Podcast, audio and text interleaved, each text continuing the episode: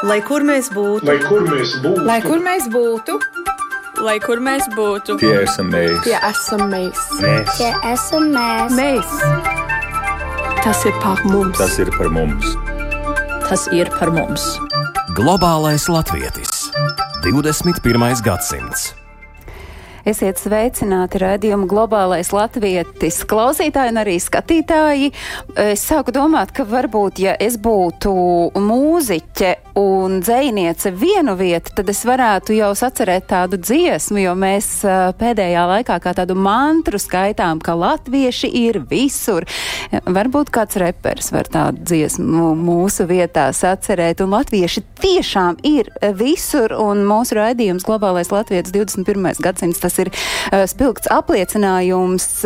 Šobrīd, kad pie mums drusku sniegs sniegs un līst lietus un ārā ir ziema uh, savā Latvijas izpildījumā, mēs uh, tversimies pēc saules Āfrikā, kur uh, karstākais laiks ir tieši šobrīd, jo arī Āfrikā dzīvo latvieši, ir iedzīvojušies, ir atraduši savu aicinājumu pavisam citā klimatā, pavisam citā kultūrā un, protams, arī pavisam citā sabiedrībā. Kā kādi tad ir tie ceļi un sapņi, kas aizveduši mūsu tautiešus uz Āfrikas tālākajiem krastiem, ko nodzī, nozīmē iedzīvoties un atrast savu vietu Kenijā, Dienvidāfrikā vai Mozambikā. Tas ir tas, par ko runāsim šoreiz. Radījumā Globālais Latvijas 21. gadsimts un eh, studijā es sveicinu Girtu Greiškalnu, lai es varētu piesaukt vēl pāris valstis, piemēram, Namībiju, Zimbabvi un Zambiju, jo tas ir tas, ar ko šobrīd ir tā saikne, nu jau kādu ilgāku laika sprīdi, veidojot ciešus sadarbības kontaktus projektā kas ir saistīts ar šīm Āfrikas valstīm, bet principā šeit ģirds pārstāv Latvijas izcelsmes uzņēmēju zinātnieku starptautisko organizāciju un radošo industriju profesionāļu apvienojošo kustību Esi LV. Sveicināti, ģird! Labdien! Atālināti šai sarunā piedalās jau manis piesauktā Mozambika, un Mozambikā šobrīd ir Lāsma Dzene. Sveicināti, Lāsma! Sveicināti! Ieva Tomasa ir Dienvidāfrikas republikā. Sveiciens un labdien, jā, jo laiks eh, stunda un 15.07 eh, ir tieši šajā brīdī arī Dienvidāfrikā. Sveiki, Ieva! Labdien! Un uh, Rolands Jānis Alboltiņš ir cilvēks, kura ikdienas dzīve nu jau trīs gadu paiet Kenijā. Sveiks, Roland! Es saku, ka mums te ir tāda klasiska Latvijas ziema aiz loga. Es jautāšu Lāsma, kas uh, ir šobrīd aiz loga tur, kur tu esi? Tu esi Mozambikā, kur tieši tu esi, kāda tā pilsēta, uh, kas tev ir apkārt, kad tu paveries pa logu laukā? Šeit ir saulains. Šodien pat brīnumi ir tiešām ļoti saulains, bet, piemēram, vakardien bija mazliet apmācies un uh, lietains, jo mums ir tiešām vasaras vidus, karstums, ārā plus 27 šodien, bet ir lietus sezona. Līdz ar to, pat ja man apkārt uz dzīvoja tiešām Kalas pilsētā pie okeāna, pludmale varbūt pat mazāk kā 10 minūšu gājienā ar kājām, tad jā, lietus ir tas, kas aizbiedē visus parasti. Bet ir vienmēr ūdens ir sils, jebkurā laikā priekš latviešiem šī ir Paradīze. Paradīze tiešām. Jā, nu, eh, vārds Mozambika, es pieļauju domu, ka daudziem varētu būt vienādības zīme ar paradīzi, jo gal galā tā tiešām ir pasakaina vieta. Nē, esmu bijusi, bet vienkārši no fotografijām izsecinu Āfrikas eh, austrumos. Pāri tur ir Madagaskara, nu, kas arī rada to sajūtu, ka mēs runājam par tādu turisma galamērķi, bet Lāsma, kā jūs nonācāt šai vietā, ko daži mēdz saukt par paradīzi. Yeah. Mans, mans ceļš uz šejienes bija brīvprātīgo projektā. Iestājusies skolā, kas Norvēģijā sagatavoja brīvprātīgos uz Āfrikas un Indijas valstīm. Un 2014.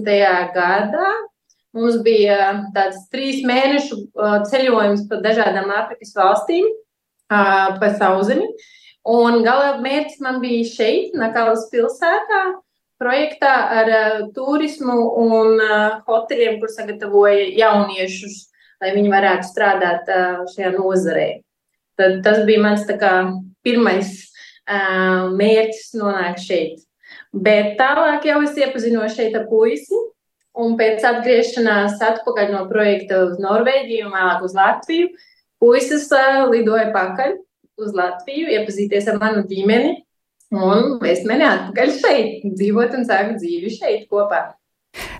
Ko tas, ko tas nozīmē sākt dzīvi šeit? Uh, tas izklausās ļoti vienkārši, un tāpat laikā uh, es neticu, ka tas bija tāds, oh, hops, un te nu es esmu, un es visu pieņemu, kas šeit notiek. Kas varbūt ir tajā iedzīvošanās procesā bijis tāds nu, visgrūtāk pieņemamais?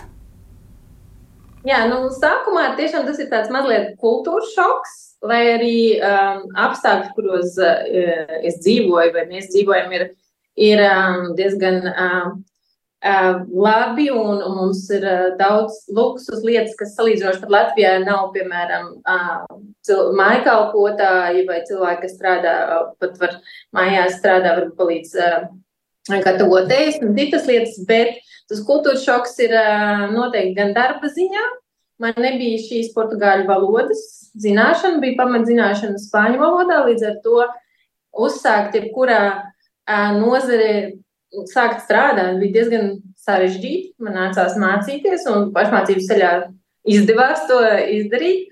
Un arī atrast nišu, jo ne visas kompānijas, pieņemsim, ja tu nāc pat ar lielu pieredzi, bagāžu, ar zināšanām, vēlās uzņemties atbildību par ārzemniekiem, jo tev ir līdz ar to daudz dažādi dokumentācijas, kas ir iesaistīts jākārto un uzturēšanās atļaujas, un tas izmaksā diezgan dārgi priekš kompānijas. Līdz ar to manā gadījumā es uzsāku pats savu mazo biznesiņu ar suvenīru un Āfrikas audumu drēbju šūšanu un mugursomu šūšanu tajā laikā. Tas bija mans pirmais projekts. Bet tagad Vairāk tas ir transformējies un mainījies. Tagad šūšana nav taču vairāk ikdiena. Nē, nebūtu nav. Tiešām o, Covid izmainīja visu, jo Covid noslēdza turisma iespējas šeit uz gandrīz vienu gadu. Šeit nebija ārzemnieki, ja iepriekš šeit strādāja šajā pilsētā Nakalā konkrēti ap, aptuveni tūkstots uh, brazīļi uh, un portugāļu uh, iedzīvotāji, tad visi šajā laikā, Covid laikā, devās atpakaļ uz savu dzimteni. Vai strādāja attālināti, vai daudziem beidzās kontrakti un nekad vairs neatgriezās. Līdz ar to, ja suvenīri ir tāda lieta, ko ņem uz ceļojumiem un parasti ārzemniekiem, pērk saviem ģimenēm, tad uh, tas apstājās pilnīgi. Kādu laiku mēs maskas taisījām no šiem, uh, šiem Āfrikas audumiem, bet tad jau ar laiku tas arī pārgāja un, un nācās transformēties, nācās pārslēgties. Un kādu laiku man arī bija jau izveidot kafiju, uh, kafijas veikaliņu, kafejnīcas, uh, hotelī, bet arī to nācās uh, pēc gandrīz gada, uh, kas bija nostrādājusi tā hoteļa lobbyā kafejnīca nācās aizslēgt Covid laikā. Līdz ar to nācās visu pārtransformēt. Mazliet. Nu, šobrīd ar ko nodarbojaties? Kāda ir tā šā brīža ikdiena? Jā, nu, pagājušo gadu es nostrādāju um, restorānā, viens no labākajiem restorāniem Nampūlas pilsētā, kas ir 200 km no šejienes, bet tas, tā bija mana izvēle strādāt, iemācīties kā menedžēt restorānu, lielu personālu skaitu.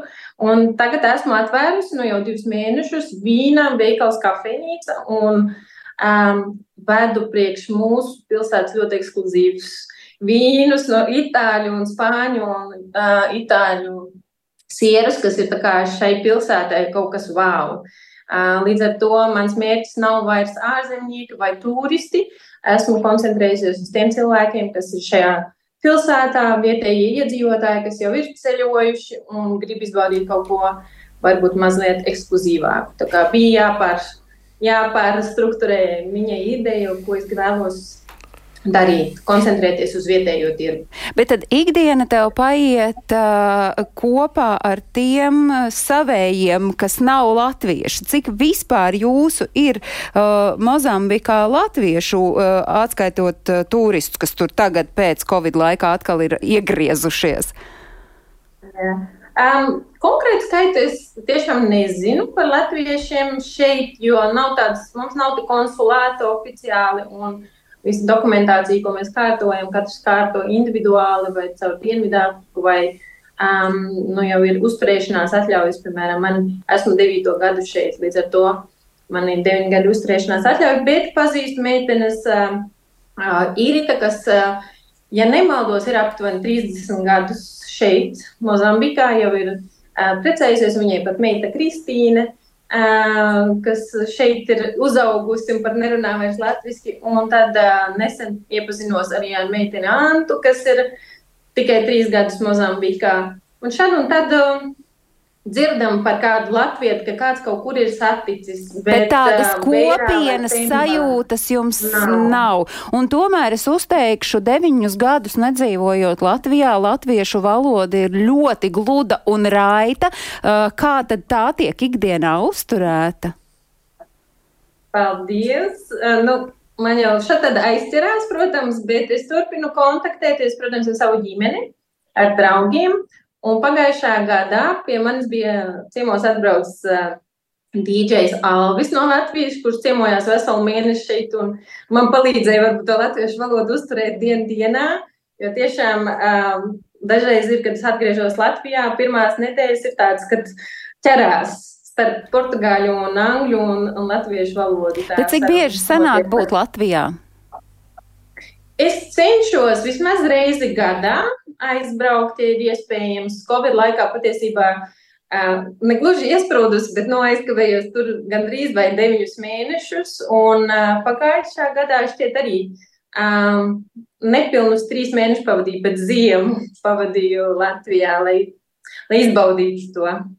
Bet uh, kas ir tas, kā tu varētu raksturot, kāda ir tā dzīve uh, Mozambikā, jo gan politiskā situācija, gan arī islāmistu nemieri ziemeļos, tāpat arī stāsts par dažādām slimībām. Mums nulakā bija uh, radio ziņās vēstīja par, par slimību izplatību un saistību ar būšanu Āfrikā.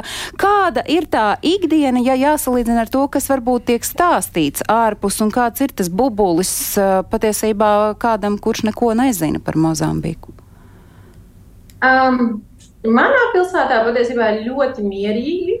Uh, tik tiešām uh, šie uh, stāsti par kara darbību mums, mums Kabu Delgado provincē, nu, tie nav tā kā um, meli, tas notiek, bet tas neietekmē varbūt tieši visu pārējo valsti, jo tas ir saistīts vairāk varbūt ar um, dārgakmeņu ieguvi šajā reģionā un, un arī naftas ieguvi, kas vienmēr iesa, iesaista šīs politiskās spēles, varbūt varētu teikt tā, un līdz ar to mēs pārējie to nemaz tā neizjūtam. Par to nemaz tā nerunā vietējās ziņās, vai uh, cilvēki par to nemaz tā ļoti uh, neuztraucās. Arī par slimībām ir tā, ka, protams, mums ir malārija, tā ir ikdiena, ar malāriju ik pa laikam vien, kāds kaimiņš vai paši mēs paslimojam, bet tā ir tāda slimība, kas mums varbūt 3, 4, 5 dienas, un mēs esam atkal uz kājām.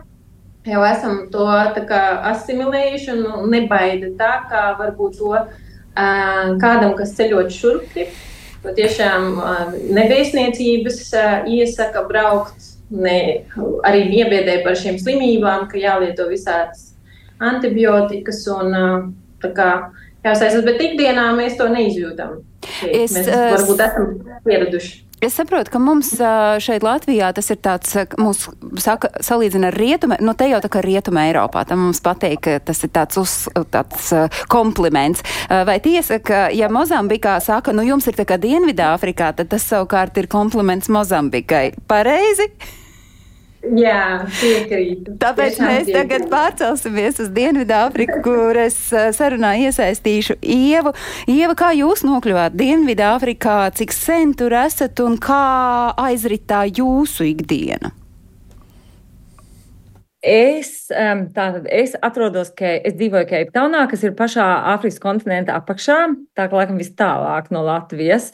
Un uh, es uz Dienvidāfriku atbraucu jau 2001. gadā. Un man ir šeit atveda uh, darbs. Es uh, uzreiz pēc augstskolas beigšanas Rīgā sāku strādāt starptautiskā iepakojuma uzņēmumā Tetrapak.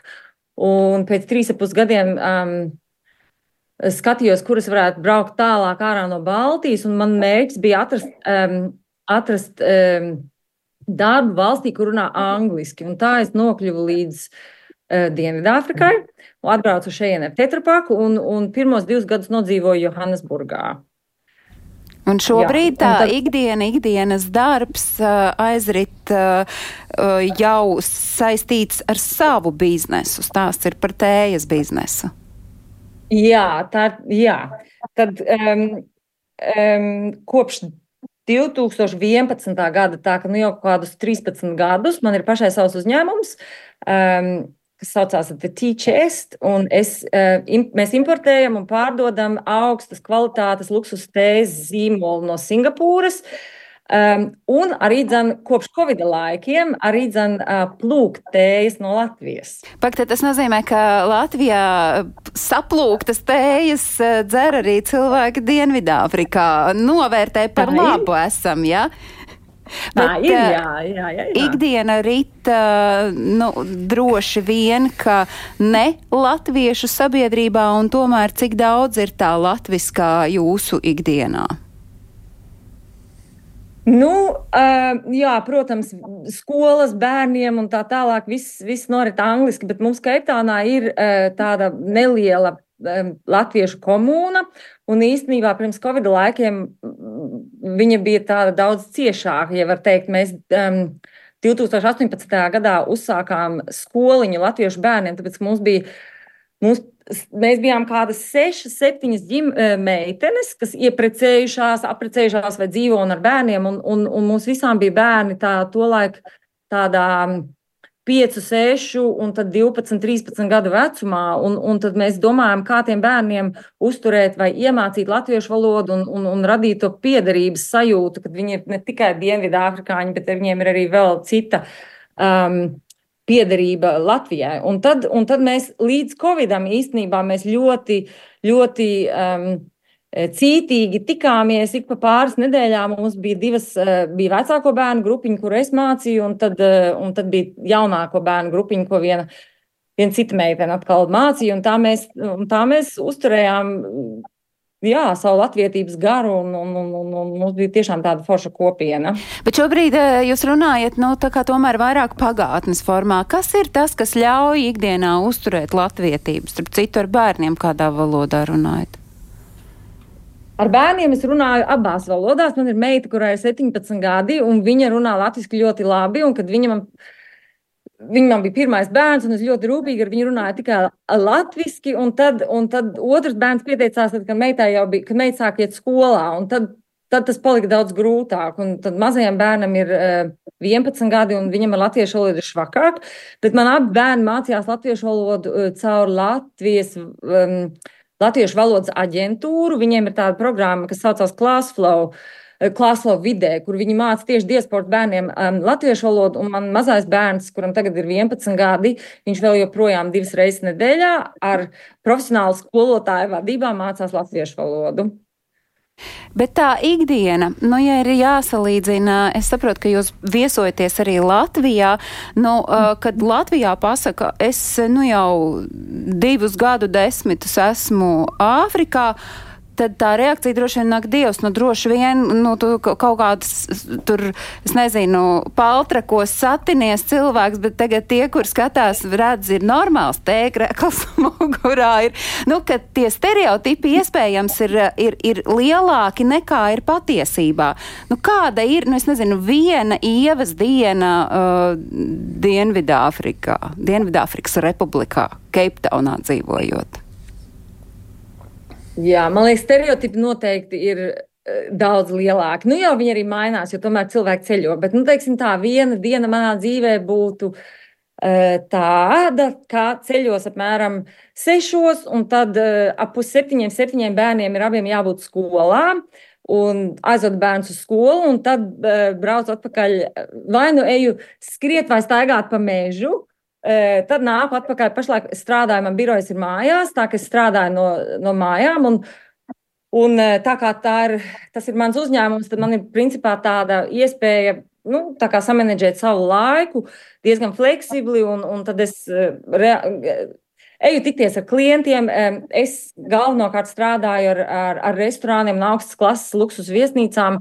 Eju tikties pie viņiem, veicu dažādas tēzes, degustācijas, darbojos ar, ar loģistikas kompānijām, Keiptauna, es teiktu, ir nu, tik ļoti pirmā pasaule. Viņa nav īsta Āfrika un noteikti daudz, daudz savādāka nekā, nekā Mozambika, nekā Kenija un Namībija un, un citas vietas. Tā ka Keiptauna it īpaši ir ļoti pirmā pasaule nu, no visām, no ļoti daudziem aspektiem. Bet te, protams, eksistē savas. Um, um, Te, um, izaicinājumi, dažādi izaicinājumi, kas ir. Nu, kādi, teiksim, tie Afrikā, ir, kādi tie ir? Nu, teiksim, viens no lielākajiem izaicinājumiem pašreiz ir, ir, ir tas, ka mums trūkst elektroenerģijas, tā ka mums nav elektrības. Un, un, un, un šeit jau tā kā nu, jau pāris gadus, tas jau iet gadiem, bet teiksim, pēdējais gads ir bijis tāds ļoti, ļoti saspringts šajā ziņā. Mums ir kaut kas, kas, ir, kas saucās load shedding, kas nozīmē, ka ir plānota elektro, e, e, elektrības. Um, atslēgšana. Un visa pilsēta, visa valsts īstenībā ir sadalīta reģionos, un tad mums visiem ir uh, saraksti atkarībā no kurā mēs tur zonā esam. Un, un vai nu ir eh, kāds mums tas režīms ir pirmais, otrais, trešais vai septītais, un tad atkarībā no tā, kāds tas režīms ir, tad tik stundas eh, dienā mums tiek atslēgta elektrība organizēti. Un tas ir ļoti grūti gan. Eh, nu, īpaši, protams, biznesa vidē tas ir šausmīgi grūti, jo tas ir liels izaicinājums, jo organizācijām ir jādomā, kā nodrošināt es nezinu, sākot no interneta, beidzot ar ražošanu, beidzot ar gaismām, restorānā un, un viesnīcā, un ir vajadzīgi ģeneratori, kas ir ļoti lielas. Un tas iemesls noteikti klausītāji tagad man saka, kāpēc nepaprast, kāpēc ir šie elektrības atslēgumi plānotie? Tāpēc, ka nav nepietiek elektrības, vien, tā ļoti vienkārši. Un tāpēc, ka šeit ir um, visa tā, eh, tas, tas elektroenerģijas mm, tīkls ir ļoti novecojis. Viņam nav gadiem, gadu desmitiem veikta. Eh, veikta plānotā apkope, var sakot, te, tā ir tāda rītīgā Āfrika. Līdzekļi ir iztralināti pa korum, ir korupcija un tā tālāk. Tā, tas ir, tāds, tas ir tā rezultāts no gadiem ilgas kā, jā, nerūpēšanās par nerūpēšanās par elektrotīklu.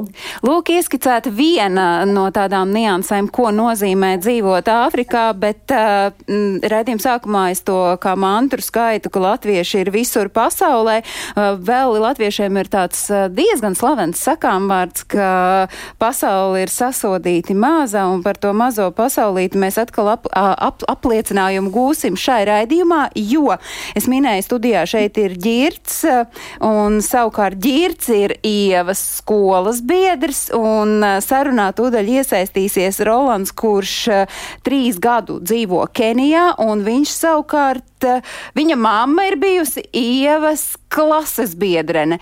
Nu, īsāk sakot, rats rada galā, bet visi pazīstami. Sveiks, Rolanda, ceļš uz Keniju. Kāpēc tieši tur esat nonācis?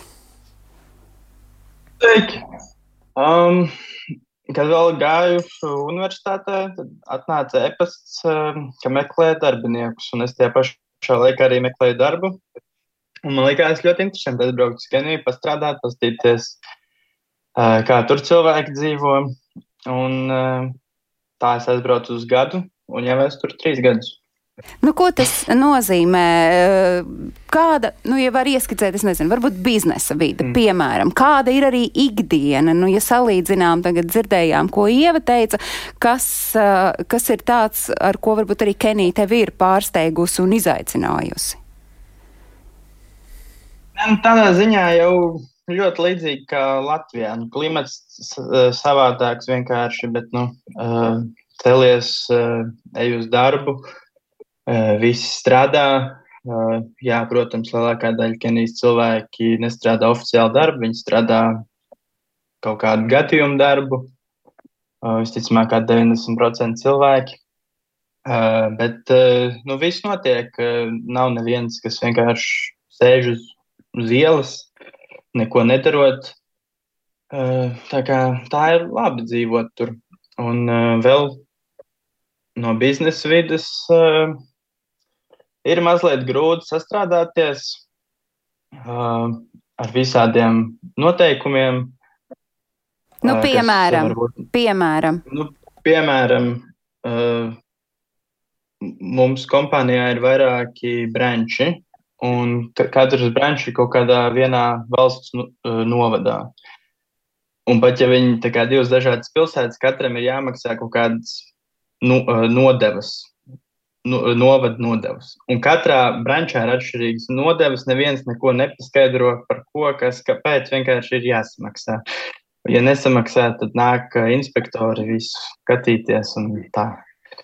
Uh, tā kā nav tāds um, skaidrība par lietām dažreiz, dažreiz ir vienkārši tas jādara. Uh, tas trūkst, tāda struktūrētība. Nu, tas uh, pietrūkst jums kā tādam uh, no biznesa pasaules nākušam cilvēkam, kuram patīk struktūrētība, bet uh, kā savukārt uh, jūs kā baltādainais cilvēks tiekat pieņemt šajā sabiedrībā, uh, cik, cik jums ir durvis atvērtas iespējams, es nezinu, plašāk kaut kādos brīžos? Um, es teiktu, ka tieši tāpat kā vietējiem, ka viņi neskatās, uh, kas tu esi. Viņi drīzāk skatās, ko tu vari izdarīt, kādu pienesumu tu viņiem vari izdarīt. Uh, es dzīvoju pats Nairobi. uh, Ļoti daudz cilvēki tur ir no Indijas, ļoti daudz ir no Eiropas, un visi ļoti labi sadzīvo kopā. Savukārt par Uh. latviešu kopienu, ja par Keniju runājam, uh, nu, ikdienā jums ir iespēja satikt vēl kādu latvieti. Uh, man ir. Es uh, strādāju Latviešu kompānijā tur, un tāpēc mums vēl ir kompānijā trīs latvieši. Um, un ir četri lietuvieši un igaunis vēl arī uh, pie tā visa. Tā kā es satieku latviešus, bet ārpus darba sanāk ļoti reti satikt latviešus. Uh, mēs zinājām, ka agrāk citā pilsētā pie okeāna dzīvoja kādi 5, 6 latvieši arī, un es vēl uz ielas dažreiz esmu saticis, varbūt pat trīs gadiem, trīs latviešus. Uh, tā kā latviešu bieži nesatiec uh, Kenijā, bet draugi atbrauc, tad tā, tā arī es uzturu to latvietību.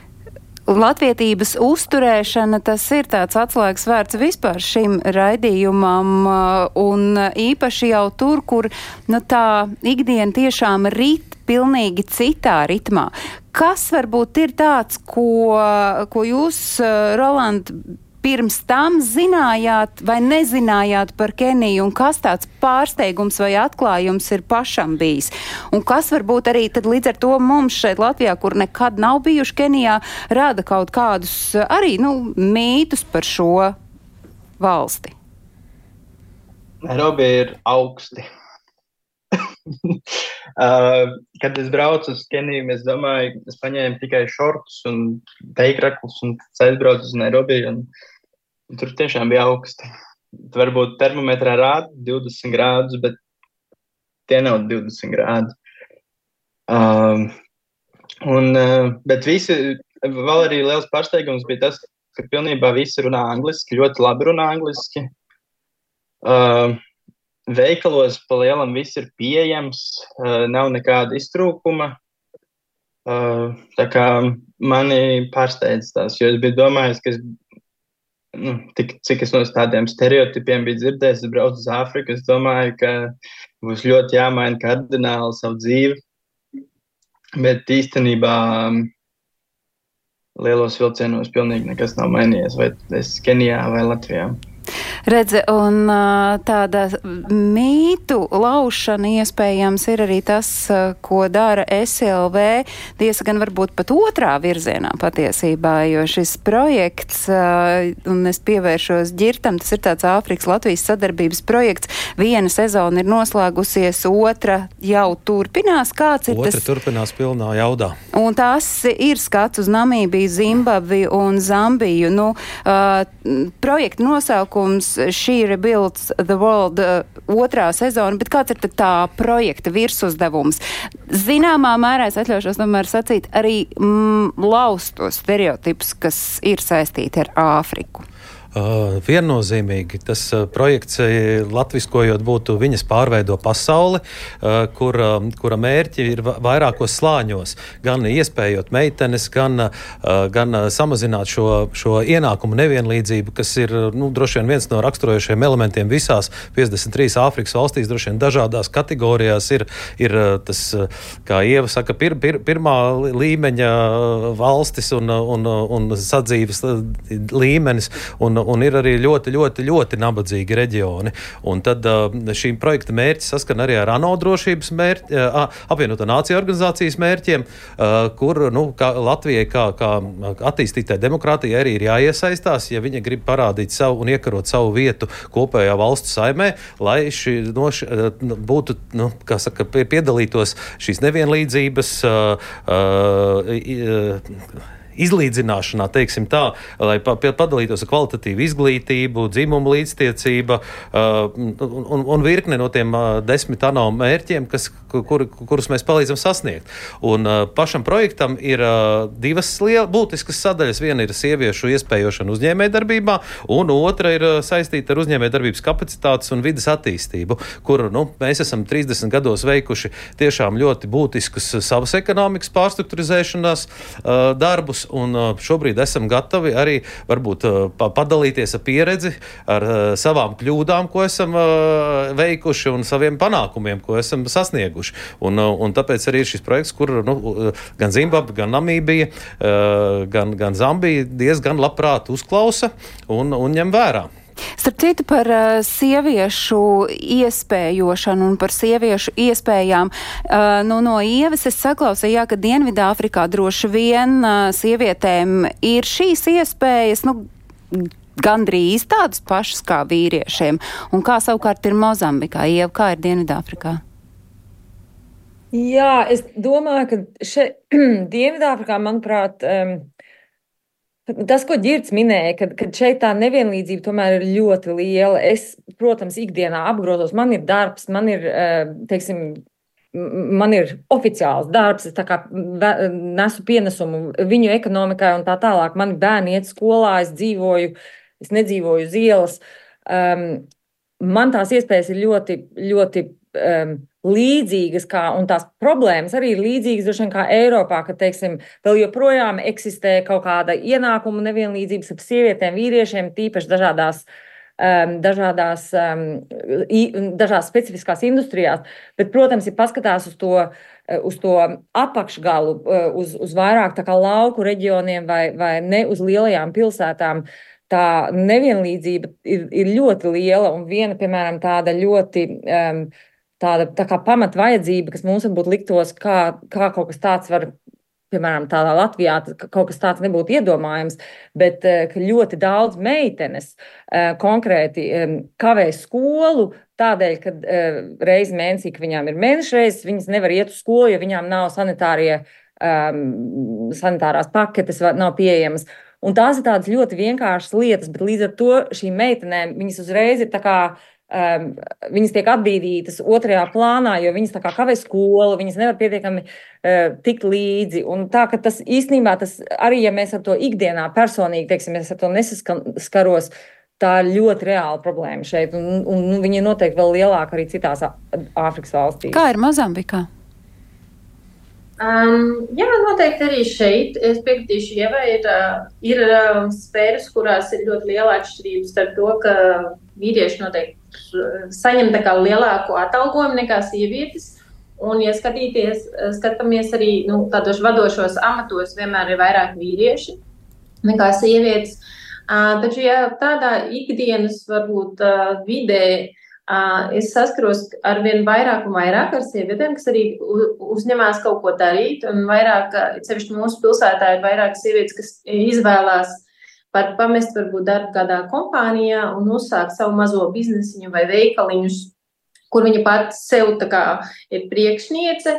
Jo mums šajā reģionā ir ļoti daudz arī musulmaņu un, un indiešu kultūra. Varbūt um, redzams, ka vīrietis vienmēr ir tas, tas uh, galvenais, un sieviete varbūt ir pie kasē, pat ja tā ir sieva. Uh, bet uh, jā, tā atšķirība ir diezgan pamanāma. Un sievietēm vienmēr ir bijusi pat sarunas dažādos uh, sieviešu klubiņos, jo ik gadu viņi šeit arī tādus uh, veido. Un jāiedrošina šīs sievietes uzsākt, kaut vai tās būtu kūciņu cepšana, vai uzsākt kaut kādu ražošanu vai šūšanu, jo pārsvarā pat šuvēji 90% šeit vīrieši, nevis sievietes. Un, Viņas ir jāiedrošina. Zīmīgi, ka um, SLV kustība uh, iedrošina sievietes Āfrikā, bet tad uh, jums visiem kopā es lūkšu ieskicēt to, Kā jūs varbūt no savas pieredzes, esot Āfrikā, dzīvojot tur, varat iedrošināt uh, skatīties Latvijas un Āfrikas tā miedarbība, un es nezinu, aicināt cilvēkus, ja tu nezini, kur tu gribi dzīvot, tu gribi izmēģināt kaut ko jaunu, kāpēc lai tā nebūtu Āfrika? Nu, kā jūs varat to, to plīvuru noņemt nost, kas rada to mītu, ka nu, tas ir kaut kas, kaut kas tāls, kaut kas līdz galam nesaprotams un iespējams nepieņemams? Vai mums būtu jāskatās Latvijai Āfrikas virzienā? Sāksim ar jums uh, Es šobrīd domāju lāsmu, pēc tam ieva. Um, jā, droši. Es domāju, tas ir. Uh, mums šeit ir daudz un dažādas iespējas, kur mēs, latvieši, esam ļoti um, darbīgi. Es domāju, man, man pat uh, ir vienmēr piemērs mans tētis, jo uh, šeit, ja kaut kas salūst mājās, tad uh, ir jāsauc. Uh, speciālists, vai tas ir uh, par kanalizācijas jomu, vai tas ir kāds galvenieks, vai uh, nu, jebkāds speciālists. Neviens neko nedara pats mājās. Vienmēr ir kāds meistars, kas ir jāsauc. Un mēs uh, paši darām daudz ko.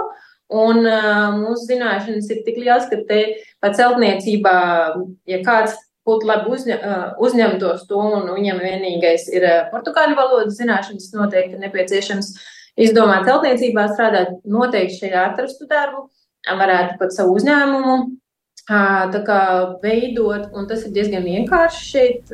Tas neaizņem tā kā daudz varbūt grūtības un tā uzsākt, bet problēma ir tā vietējā valoda, jo ne visi runā angliski. Un tad tā portugāļu valoda varbūt jāņem vai kāds tūks varbūt. Bet, jā, varbūt. Es teiksim, teiktu tā. Es atbraucu, es īpaši neizvēlējos braukt uz Dienvidāfriku, bet, kad es uz šejienu atbraucu, ar tādu vairāk ziņkāri apskatīties, kā te būs, es sapratu, ka Āfrika, un nevis Dienvidāfrika kā valsts, bet Āfrika kā kontinents, viņa vai nu tev iekrīt sirdī, vai tev neiekrīt sirdī. Un ir noteikti vērts izmē, izmēģināt un saprast, vai viņa tev iekrīt sirdī vai nē. Šis ir fantastisks kontinents, kuram ir daba, uh, tāda, kas nav salīdzināma īstenībā ar neko, nekur citur pasaulē. Un iespēja šajā kontinentā ir milzīgas. Jo, ja paskatās, teiksim, kur ir tās jaunatīstības valstis un kur tad nu vēl, kur mēs te visi esam attīstījušies, ja skatās uz visām vecās Eiropas valstīm, Ameriku un tā tālāk, un pat Āziju, šeit tas potenciāls ir neizmērojams. Iespēju šeit ir šausmīgi daudz, un, un ta, līdzīgi kā Lāsma teica, ka Vajag tikai iet un darīt. Un tas, man liekas, ir tiešām kaut kas tāds, ko es esmu novērojis gan pie sevis, gan arī pie teiksim, citiem latviešiem, šeit, kurus es šeit esmu sastapusi. Mēs esam tādi ļoti darītāji. Manuprāt, nevis tādi, kas gaida, ka mums kaut ko uz paplātes pienesīs. Un es noteikti gribētu iedrošināt, um, cilvēki ir draudzīgi. Un, un jā, te ir visādas problēmas, bet problēmas ir visur. Es, protams, Tikai dabūšu iespējams pa biksēm, ka es te mudinu latviešu doties uz Āfriku, bet skatoties uh, uz Rolandu, trīs gadi jau ir pagājuši Kenijā, nu tādā pārskatāmā nākotnē Kenija vai Latvija, kāda tu redz savu dzīvi turpmāk? Uh, grūti teikt, uh, jāstāsta. Uh, kā, kā tālāk attīstīsies karjera. Uh, Kenijā ir savu lielu bonusu, protams, bet tomēr viņi ir mazliet nogurdinoši. Latvijā savādāk. Lielāka konkurence uz darbu arī. Bet, nu, tad redzēs. Dzīvosim, redzēsim, un savukārt, ja mēs skatāmies uz SLV, uz šo projektu, kas ļauj uh, Latvijas 30 gadu gaitā gūtajai pieredzei iedzīvoties Āfrikā, kas ir tas, ko savukārt mēs, nu, tādā ikdienā varam mainīt tos stereotipus par nu, Āfriku. Tā ir daļa no šī projekta, kuras ietvaros notiek meiteņu apmācība, un meiteņu apmācība notiek Rīgas biznesa skolā. Tie ir trīs dienu uh, nodarbība darbības uz vietas Zambijā, Zimbabvē un uh, Namībijā, un pēc tam no janvāra līdz maijam notiek online apmācība Rīgas uh, biznesa skola uh, lektoru vadībā, kurā piedalās gan Āfrikas meitenes, gan arī tie studenti, kas jau šeit studē. Un viņu ietvaros viņi uh, gatavo savus biznesa plānus, prezentē investoriem, veido darba grupas. Tādējādi notiek šī uh, apmaiņa ar, uh, nu, teiksim, tā, iepazīst gan uh, nu, ziemeļu dienvidu asi, teiksim tā, kāda ir Āfrika, kāda ir Āfrika, Āfrikas iedzīvotāja mentalitāte, kāda ir mums kā ziemeļniekiem, vai mēs spējam sastrādāties vai nespējam sastrādāties. Un, uh, un uh, nu, uh, veidojās reālas biznesa teiksim, tā, iespējas. Un, un, un, un, un jāsaka arī, ka tā mūsu pieredze, viņiem ir ļoti liela neformālā ekonomika, kur arī no valsts pārvaldības puses mēs varam runāt par uzņēmumu reģistru vienkāršošanu, iepirkumu procedūrām, nu, muitas un nodokļu administrēšanu, kur, kur nu, ar, ar šo praktisko sadarbību arī veidojās tā, tās divpusējās biznesa attīstība atti attiecības. Un skats nākotnē, tas nozīmē, ka vēl joprojām, kā mēs arī dzirdējām, sarunas dalībniekus sakām, tā ir iespēju zeme, un svarīgi, laikam, to novērtēt. Droši vien, jo es pieļauju, ka lielai daļai no mums vēl joprojām atmiņā ir brigaderes ieviņas piedzīvojuma Āfrikā. No Zentsērglis. Zentsērglis, atvainojos, jā. No kā, no, no kā mēs smeļamies to, to, to, to iespaidu par tām Āfrikas valstīm un kā tur iet, un varbūt tiešām mums ir jā, jālauž vai jāmaina tikai ar izglītošanu. Jā, un to mēs arī šai reizē darījām. Un, ja kāds grib zināt, kā iet ieviņai Āfrikā, tad to noteikti var izdarīt, sazinoties ar Ievu, kur dzīvo Dienvidāfrikā un bija šīs reizes mūsu sarunas dalībniece.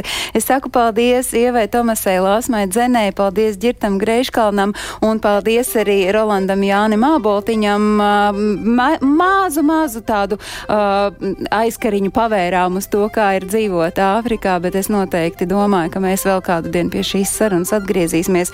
Es atgādinu, ka visi tie svarīgie notikumi, kas ir uh, notikumu kalendārā ierakstīti latviešu.com, ir domāti visiem tiem latviešiem, kur dzīvo ārpus Latvijas. Šis raidījums skan tiešraidē pirmdienās, bet atkārtojums katru svētdienu uzreiz pēc ziņām trijos, lai visiem ir jauka atlikusī dienas daļa un, nu, Āfrikā varat iet baudīt sauli, vasaru, ja nelīst lietas. Tā!